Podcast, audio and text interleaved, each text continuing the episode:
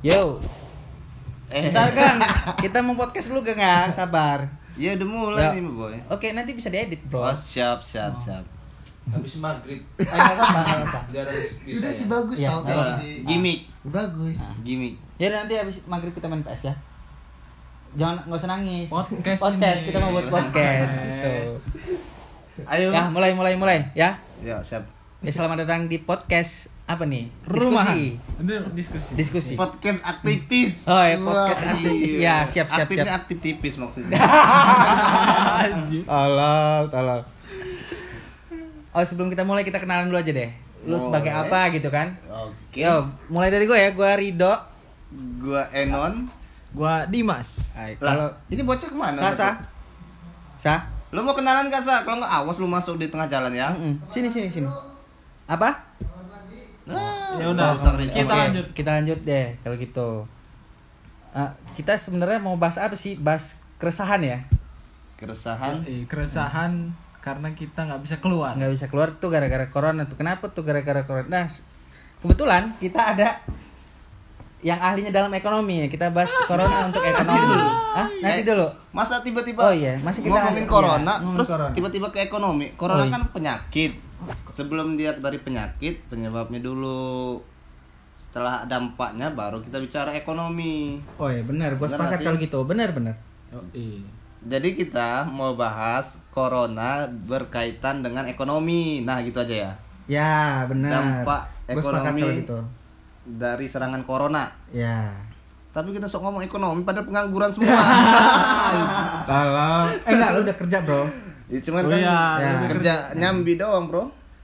Cuma sekarang work from home ya. Work from home kalau gua bu- bukan work from home. Apa? Sleep from home. Apa sih? Kok Garing sih. Sumpah. Ya udah, tuh lu mulai tuh.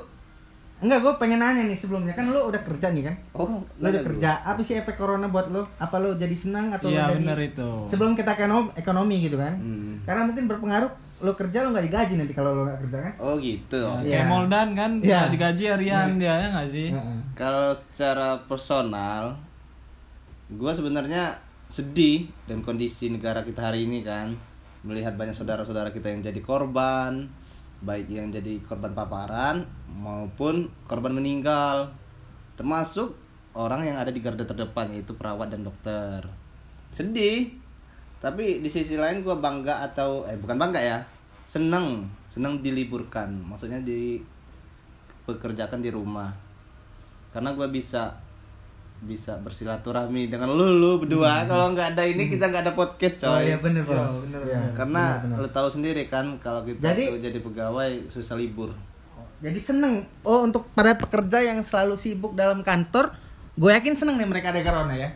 Nggak, iya nggak sih? iya bener Karena kalau nggak ada corona mereka nggak ri- nggak libur. sebenarnya tergantung dari tempat kerjanya sih kalau dia kalau nggak kerja nggak dapet duit ya nggak Iya seneng juga, tergantung upahnya. tergantung upahnya kalau gua kan walaupun nggak kerja kita digaji Oh jadi seneng ya. ya, jadi seneng cuman Karena beban juga. kerja lu menurun, betul Iya berkurang juga. lah ya. sama juga gue bisa bersilaturahmi dengan sanak family kan Dan kos lo buat bolak-balik kantor juga menurun, boy, ya nggak sih? tapi kos gua untuk melihara lorong gede Oh gitu ya. Eh, itu satu sisi negatif, dan Negatif. positif iya. tentang corona ya nggak sih? ya coy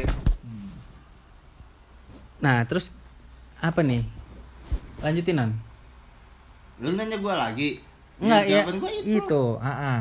Nah terus?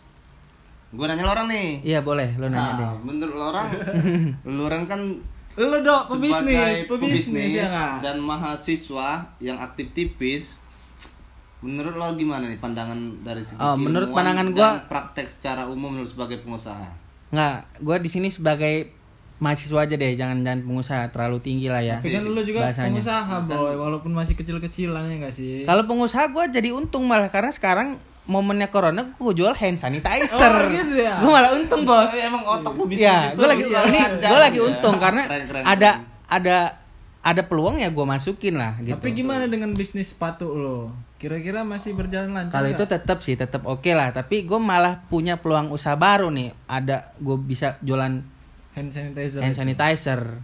Lumayan tuh, cuan cuan cuan. iya iya Nah kalau persoalan gue mahasiswa gue kesel banget bro sama yang namanya Corona. Corona, wah anjir banget tuh corona. Gara-gara itu kan gue gue sebagai mahasiswa tingkat akhir yang nggak lulus lulus gitu kan. Tahu diri. Bener, Dan gue enggak sebenarnya gue lagi ada garapan buat lulus nih sebenarnya di semester ini. Dan gue terkendala itu. Lu bayangin bos. bener. Gue pengen bimbingan nggak bisa karena dosen nggak mau nerima bimbingan dan kampus gua itu diliburin gitu loh. Lu bayangin. Sampai akhir semester, boy. Ya, nah lu bayangin tuh, gua mau lulus kapan tetap bayar UKT, UKT gua mahal, ya kan? Oh iya. Jadi beban orang tua walaupun ya gitu deh. Gua nggak bisa bimbingan online? Nah, itu kemarin ini gua karena gua salah satu aktivis mahasiswa yang ada di kampus nih ya. Iya. Gua tipis boy. enggak, ya aktivis. Aktif, Aktif tipis. tipis. Gua kemarin nyampein sih, sempet gue sampein ke ini namanya apa sih? Di bagian Akademik, kemahasiswaan akademik. lah, di bagian Oh, kemahasiswaan. Bu. Hah? Mas Nanang. Enggak, namanya ini Bu Ani, Ani. Bu Ani, Yu Bu Ani, Ani. Yu Ani, Yu Ani. Gue bilang gini, Bu tolong sih Bu, Bu tolong. Ini kita masih tingkat akhir nih mau bimbingan tapi nggak bisa. Nah lu bayangin bos, banyak banget tuh yang terkendala gara-gara corona. Iya kan? Untuk mahasiswa tingkat akhir. Kalau mahasiswa baru mah dia cuma kuliah online, Happy, enak, happy. happy, Iya. juga di rumah. Kita yang Bener-bener. Ngejar mahasiswa target. tingkat akhir ngejar target yang harusnya semester depan nggak bayar kuliah, terus bayar lagi. Lu bayangin tuh. Ini tapi memang cobaan orang-orang di semester akhir tuh. Oh, masa sih? Macam-macam kan ada yang cobaannya dia berat, males. Nggak apa tuh apa tuh? Karena yang gue tahu juga lu pernah jadi Iya. mahasiswa akhir kan, ya nggak sih? Walaupun Iya, lu udah lulus dan kerja lulus. kan sekarang. cobaan gue dulu mager. Nah, kebetulan gue ini nggak mager. Iya, cobaan lu kan artinya corona. Enggak sebenarnya cobaan gue waktu itu mager sih. Gara-gara corona gue ganti jadi corona. Sebenarnya mager tetap.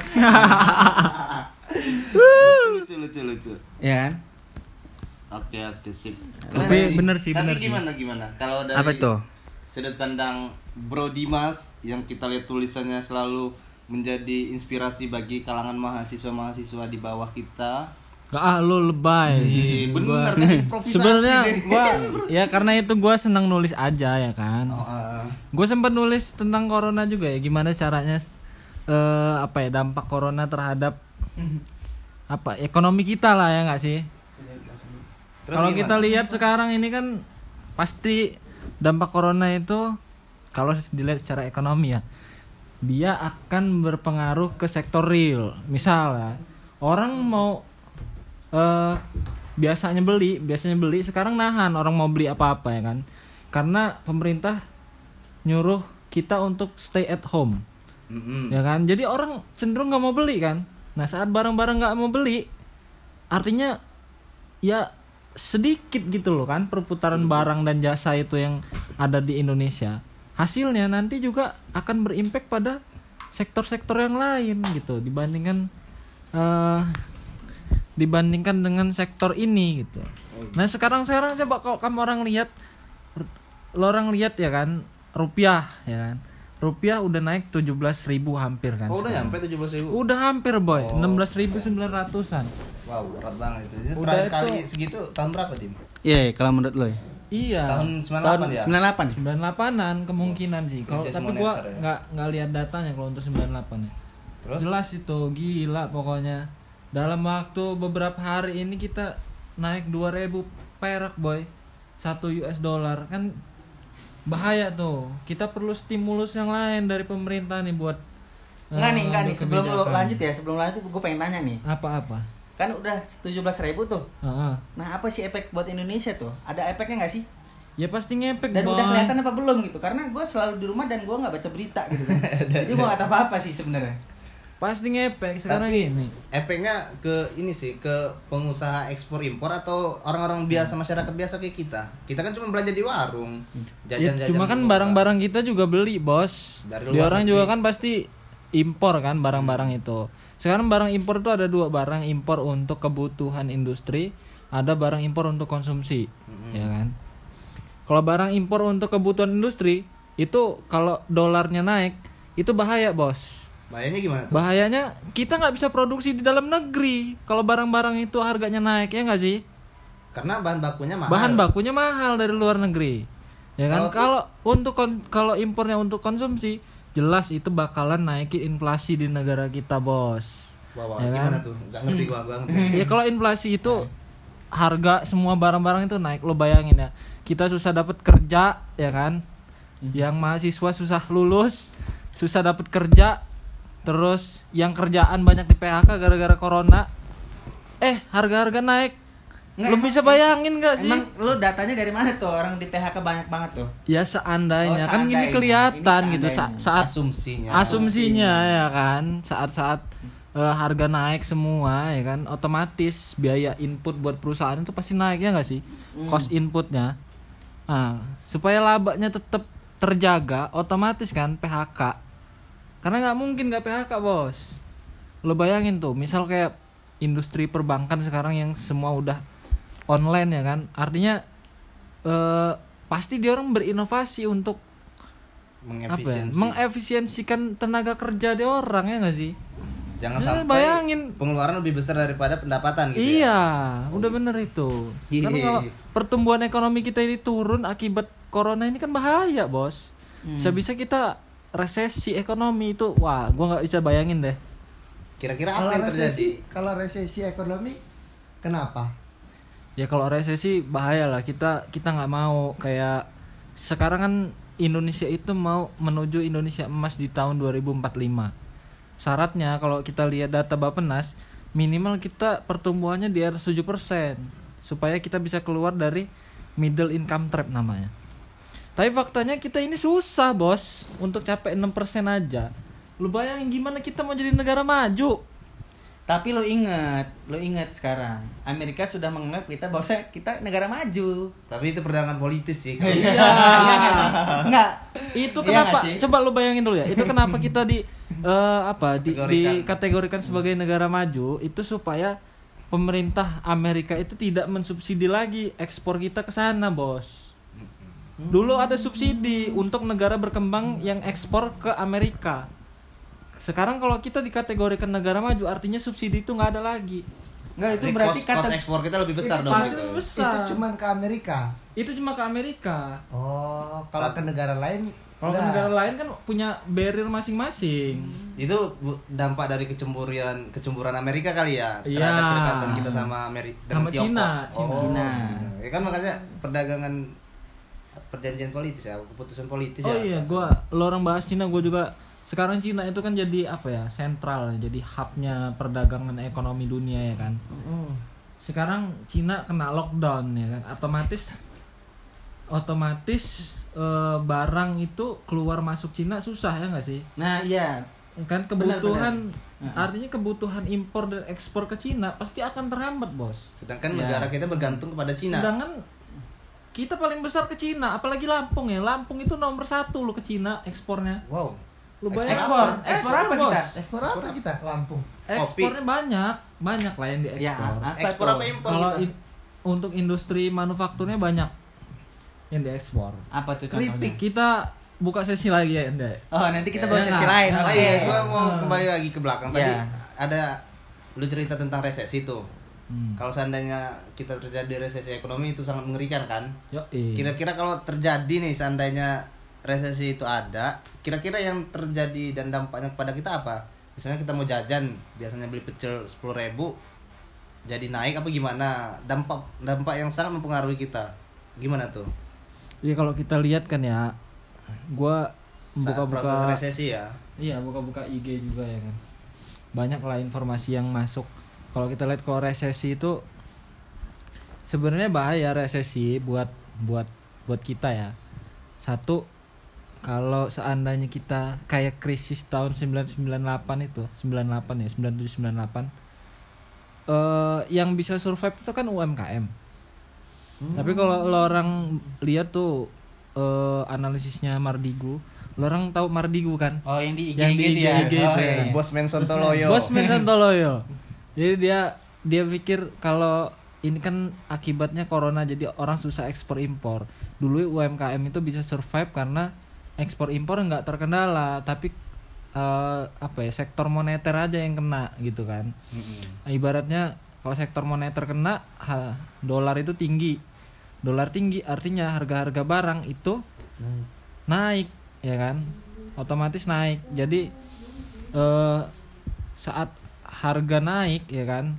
Satu sisi harga naik pembeliannya kurang terhadap barang-barang itu ya kan? Hmm. sama aja nih kayak corona sekarang orang pada nahan uangnya untuk beli barang ya kan? Otomatis kegiatan ekonomi itu kan nggak jalan dengan semestinya ya kan? Mm-mm. nah Iya, iya, benar-benar. saat tidak berjalan dengan semestinya lo punya perusahaan lo nggak jualan lo lo jualan barang dan nggak ada yang beli. Kira-kira apa yang lo lakuin? Ya, cuci gudang bisa cuci jadi gudang cuci nggak? gudang. nggak ada yang mau beli. Gimana? Lah Ya gue simpan aja barang. Kalau barang gue nggak busuk.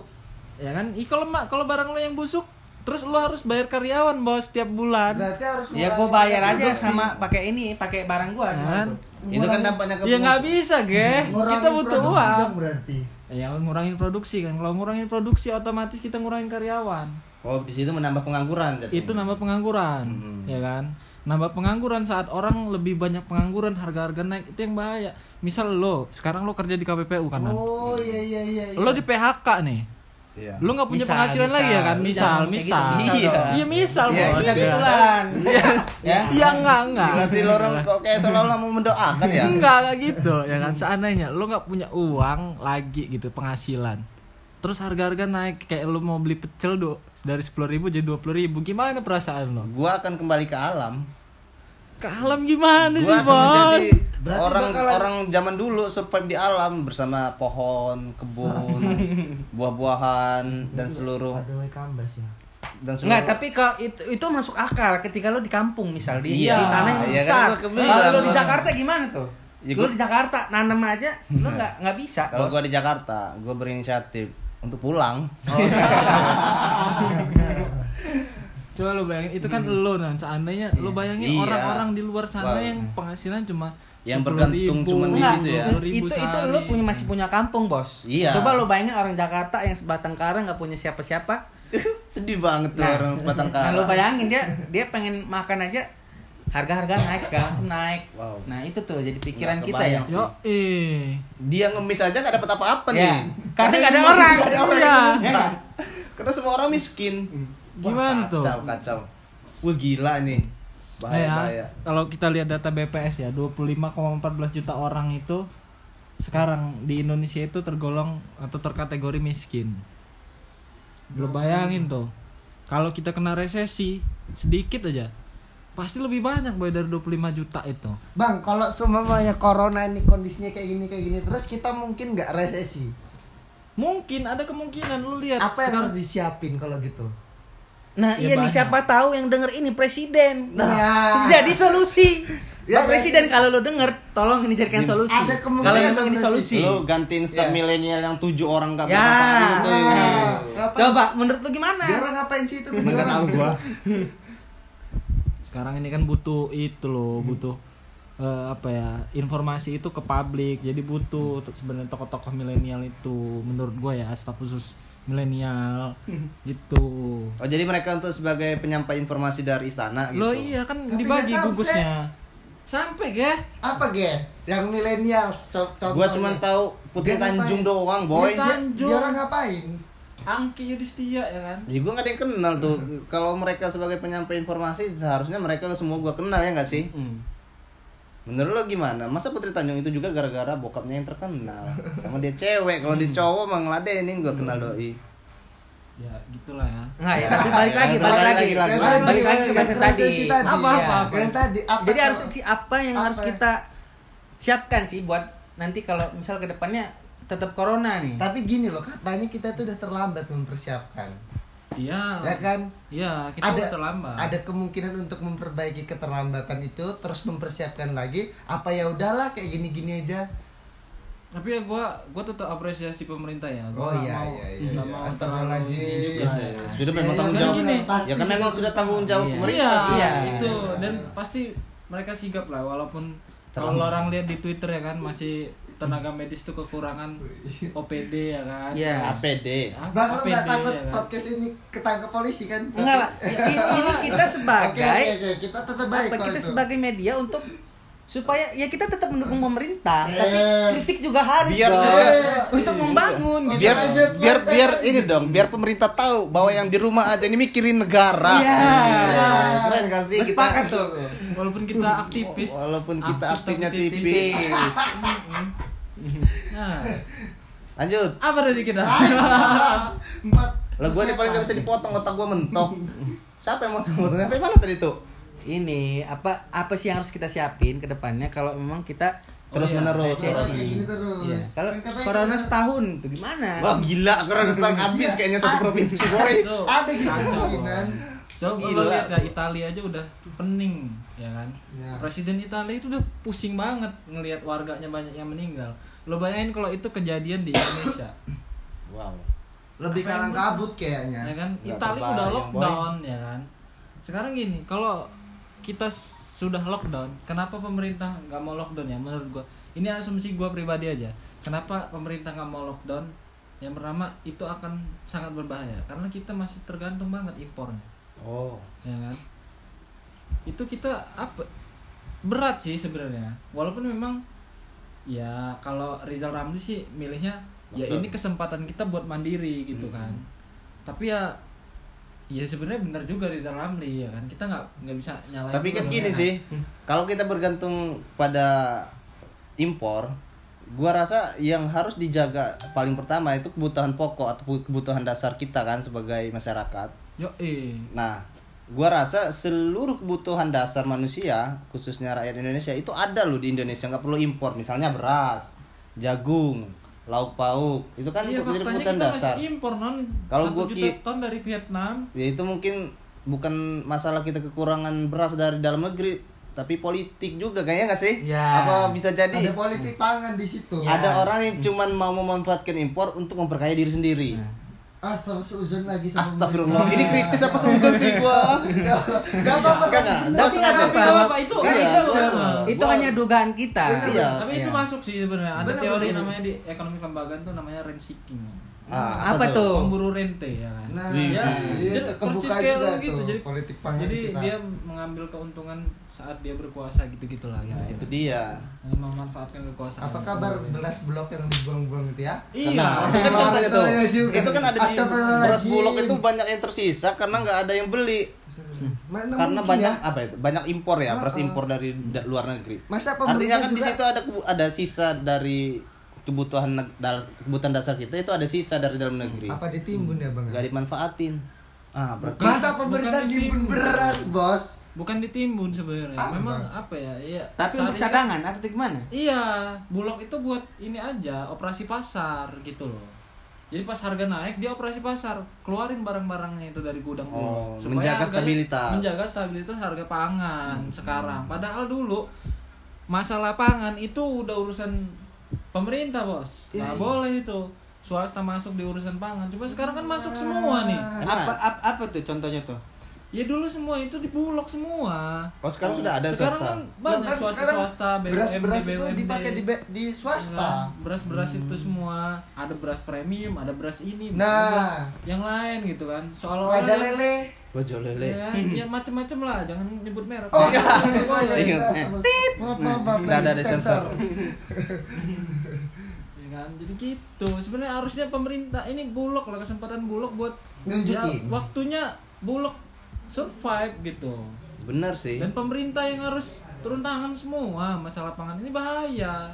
Harus cek stok ya kan. Jadi berarti kita harus seharusnya sanggup ya buat lockdown. Seharusnya. Ya gua nggak bisa bilang sanggup atau enggak juga ya. Soalnya kan kita belum tahu secara pasti Iya, hitung-hitungannya. data-datanya belum ada. Data-datanya seperti apa kita kan nggak tahu tuh ya kan. Tapi Jadi lebih masa- arif dan bijaksana alangkah lebih baiknya kita sebagai masyarakat ya kan. Pertama stay at home. Yang Boleh. kedua ya lakukan apa yang bisa kita lakukan. Misal kalau lu punya uang ya kan kasih hand sanitizer, kasih APD, ya Iya, kan? iya, kasih betul. masker. ya nggak sih? ya kalau lo mau beli hand sanitizer sama gue bisa silakan hubungin Rido Lebih murah Nah. harganya. Ya lebih kan? murah se Indonesia ya Tuh kan. Ada yang jualan. Kata lu kalau bisa gratis. Ya kalau bisa gratis, cuma kan gratis Iya, juga kan nggak apa-apa. orang beliin ya kan, dikasih gratis. Kasih gratis. Lu, lu bisa punya uang beli dari Ya, dari gua ya. Gua kira pedagang, gua kira pedagangnya yang mau ngasih gratis. Oh, iya. Nggak jalan ekonomi nanti. Enggak ke jalan ekonomi nanti, harus jalan tetap ya. kan? Biar gue juga tetap ada penghasilan walaupun gue di rumah gitu. Iya. Masuk kan? Masuk. Itu kita sebagai masyarakat. Terus juga eh, apa ya? Pemerintah juga menurut gua udah bagus lah menyiapkan segala macam keperluan untuk tenaga medis ya supaya eh, apa ya semuanya itu ada dan lengkap di Indonesia. Jadi untuk memperkecil kemungkinan kematian atau kemungkinan paling buruk dari corona. Iya, Dan betul. itu yang lebih berbahaya kalau semakin tinggi angka kematian corona, orang bakalan semakin panik, Bos. Bang, tapi kita itu paling tinggi loh, Bang. Apanya tuh? Angka kematian kita kan paling tinggi. Ya rasionya, Rasionya. karena kita yang terkena positifnya lebih sedikit, Iya. gitu kan?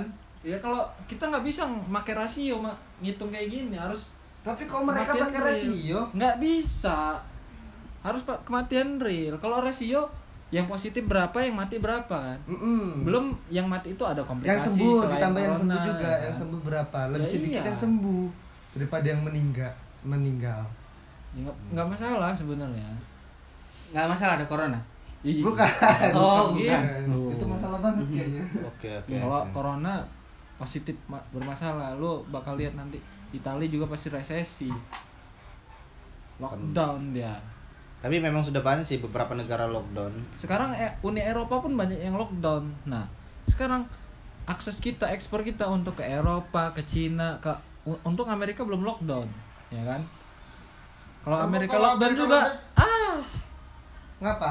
ya Amerika Kalah belum lockdown. Ya kan kalau Amerika lockdown juga ya bahaya dong. Kita ini mau ekspor ke mana? Itu tujuan ekspor kita semua tuh negara-negara. Jual dalam negeri aja lah. Eh jual dalam negeri mah ngapain kita? Kan orang yang, yang ekspor itu kan karena dia mencari pasar di luar negeri. Tapi kan Ya. sebenarnya kan perputaran uang di dalam negeri juga nggak apa-apa. Maksudnya barang-barangnya itu Iya. dibagi- Iya tapi dimakan atau volumenya dikonsumsi. bakalan lebih kecil Iya kan, sih. dibandingkan sebelumnya. Bisa-bisa pertumbuhan ekonomi kita minus. Ya kan yang penting kita nggak mati banyak orang. Kalau yang meninggal lebih banyak, Iya mending makanya kita puterin aja di dalam makanya negeri. sekarang yang harus kita lakukan itu menjaga kesehatan. Ya kan? Siap, Artinya kita menjaga kesehatan, tenaga medis juga bekerja ya kan, dan pemerintah menyiapkan semuanya keperluan tim kesehatan itu. Nah, itu gua nggak sih? itu sepakat tuh. ya kan. Jadi untuk mencegah kematian dulu ini yang paling penting sekarang. Oke. Jadi bagaimana? Sekian podcast kita hari ini. Jadi intinya apa? Coba non intinya. Oh kesimpulannya. Kesimpulan Iya, dong. kesimpulan dong. Biar, biar orang lu nggak bilang gua langsung biar orang yang dengar itu tahu oh kesimpulannya begini begini begini ini. Aduh, Nah, otak gitu. gua lagi ngeblank nih. Apa ya? Jadi gini. Hasil diskusi aduh Aktivis. sih? Aktivis. aktif tipis bahwa corona dan kebermanfaatan gak ngerti gua gua tadi angong coba lu tuh Ya pada intinya kita harus jaga kesehatan lah gitu. Biar Iya. kita nggak terserang corona itu aja sih. Yoi, dan jangan iya, panik, iya. Bos. Masalah pemerintah ya urusan pemerintah gitu loh. oke Dan sebisa mungkin lah lakuin yang hal yang paling baik buat diri kita masing-masing. Ya untuk sementara waktu hashtagnya di rumah aja di rumah aja ya. Di Jangan rumah. ke mana-mana. ini saatnya kaum rebahan mengabdikan diri untuk bangsa Siap. See you bye bye. si bye bye tadi ada Ya. figuran bernama Hansa Nah, itu kalau ada orang-orang, nah itu Hansa namanya. Oke, terima kasih. Udah ya? gitu ya jangan itu tapi gua angkanya Apa? kok jalan ya Ya karena belum gue matiin, Oh, bos. gitu. Matiin. dadah